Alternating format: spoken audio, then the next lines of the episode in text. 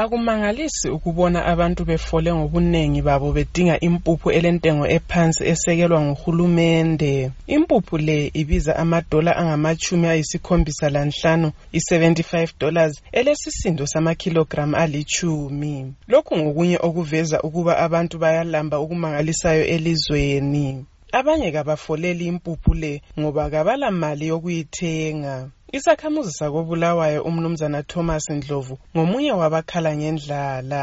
akulanto ebuhlungu njengendlala. Indlala yakhona futhi idalwa limali yakhona kayisathengi. Akulanto ebuhlungu njengokuswela into engena esisini ukuthi udle. So sesiphila nzima ngoba imali yakhona kayisathengi. Two lempupha ayikho. So indlala isithwalise nzima siyalamba siyaswela lokuthi senzeni ukuthi siphume phakathi kobunzima lobo bendlala kunje abantwana bahamba bengathwalanga lutho ezikolo ngendlala lesilayo izinto zakhona zisathengeki ngalobu bunzima esihlangana labo bendlala ngoba siyalamba. Imizi ngaze uyibone igcwele izindlu zingaka. Abantu bayalamba abantu bayahawula. Unkosikazi siphiwe ncube uthi abantu bazavuka eseganga nxa kungaqhubeka kunje ezimbabwe. Ukuswelakala kokudla yikho okuzasidalela ukuthi kube lobusela elizweni lethu njalo lobugebengu ongabucabanga loba yibuphi ngoba abantu bazakwenza noma yini ngendlala ekhona elizweni. Uhulumende ngabe uyazama ngendlela zonke. Ukuthi azame ukulungisisa kusasemasinyane kungonakali kakhulu. Ngoba kunje lathi siyesaba ukuthi indlala lamasela sebezama labo ukuthi bathole okokudla. Umnumzana mbonisi nyathi usekela imbono kankosikazi ncube esithi indlala le idalwe yikutsha kwezilimo lonyaka emaphandleni lokungavuni kahle amabele eminyakeni embalwa edluleyo. Izilimo zitshile emasimini ethu emadolobheni kanye lasemaphandleni.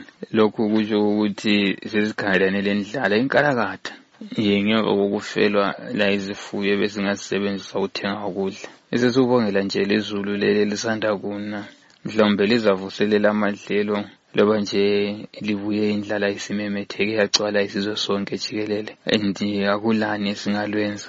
Esinye njalo isakhamuzi sakobulawayo unkosikazi elizabeth ndlovu uthi ezinye imuli ziphanda ukudla nsuku zonke. Indaba yempuphu ibuhlungu okunye okumangalisayo impuphu kasiyitholi singaze sizwe ukuthi kulempuphu asiyitholi. Ithola ngokwazana.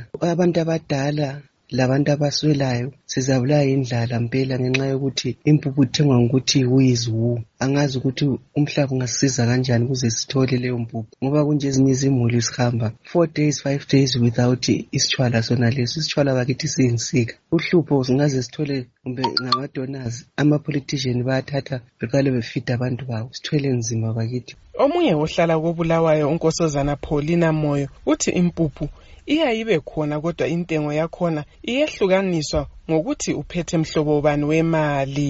Impuphu isizingelwa iyazingelwa impuphu. Lapho ithe yabakhona ikheshi iyathengiwa kodwa ikheshi ayikho. Impuphu izingelwa kokuthi oyibonileyo uma ibonile. Engakatshela abanye uqala athenge ngoba itholakala impuphu yahlupho kodwa ma ulekheshi singabuya emashops inhlanganiso enika abalambayo ukudla e-world food program ithi abantu abalambayo emadolobheni lemaphandleni bafika phose izigidi eziyisitshiyagalombili i-8 million. Phakathi kwabantu laba abedlula kancane izigidi ezimbili i-2.2 million bahlala emadolobheni. Inhlanganiso le idinga imali yokuthengela abantu laba ukudla. Ngimele istudio 7 yikobulawayo ngingubathabile masuku.